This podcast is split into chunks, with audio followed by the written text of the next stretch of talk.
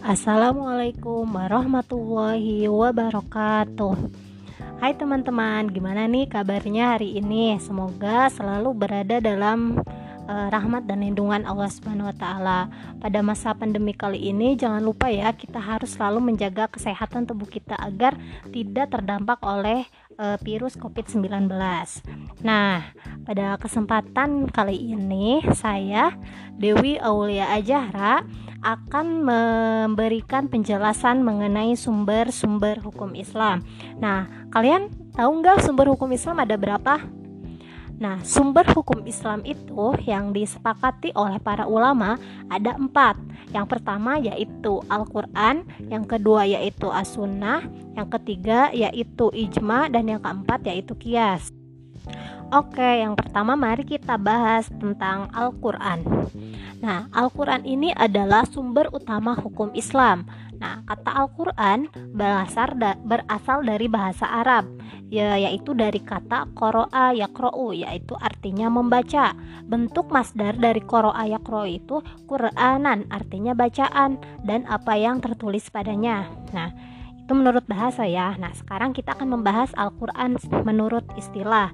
Nah, Al-Quran secara istilah adalah kalamullah yang diturunkan kepada Nabi Muhammad SAW melalui malaikat Jibril diturunkan secara mutawatir tertulis dalam satu mushaf berbahasa Arab yang e, bila kita membacanya kita mendapatkan atau mengandung nilai ibadah. Kemudian Al-Qur'an ini adalah dimulai dengan surat Al-Fatihah dan diakhiri dengan surat An-Nas.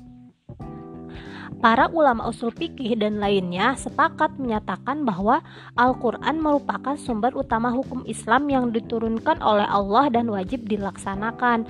Nah, oleh karena itu seorang mujtahid itu tidak dibenarkan. Jadi kalau kita misalnya mau mencari sumber hukum Islam, yang pertama itu kita harus dulu cari dari Al-Quran. Ketika di Al-Quran sudah tidak ada eh, apa hukum yang kita cari tersebut, maka barulah kita cari ke As-Sunnah. Ketika di As-Sunnah tidak ada baru kita cari ke uh, ijma ataupun kias begitu.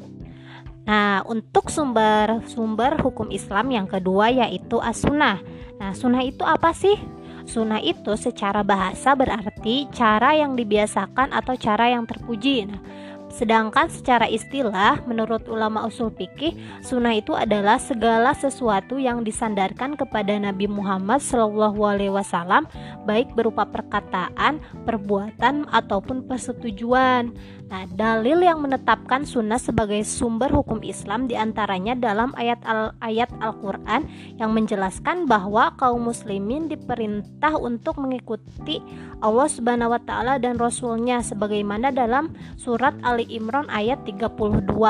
Begitu. Jadi ketika ada uh, hukum yang dijelaskan di dalam Al-Qur'an uh, terus kita ingin mencari secara detail itu asunah itu bisa menjadi uh, penjelasan secara detail dari ayat-ayat Al-Qur'an gitu. Nah, untuk yang ketiga yaitu ijma.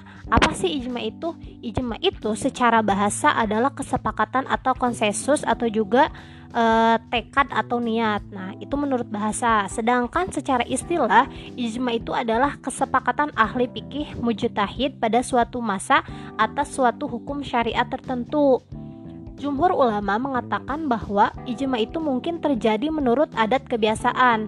Nah, mereka mengatakan bahwa yang mengingkari kemungkinan ijma adalah mengingkari hal yang nyata terjadi begitu. Nah, selanjutnya sumber-sumber hukum Islam yang terakhir yaitu kias. Apa sih kias itu? Ayo kita dengarkan.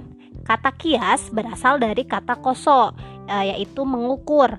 Uh, Sedangkan menurut uh, apa menurut istilah mendefinisikan kias itu bermacam-macam antara lain mengembalikan yang cabang kepada yang asal karena adanya ilat yang bergabung di antara keduanya atau menyatukan sesuatu yang tidak disebutkan hukumnya ada dalam nas dengan sesuatu yang disebutkan hukumnya oleh nas dikarenakan kesamaan ilat hukum antara keduanya.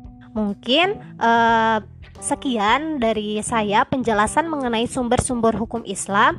Bila ada kekurangan ataupun kesalahan, mungkin bisa cari dari sumber referensi yang lain. Terima kasih banyak sudah mendengarkan podcast Dewi Aulia Ajara. Bye bye. Sampai bertemu kembali.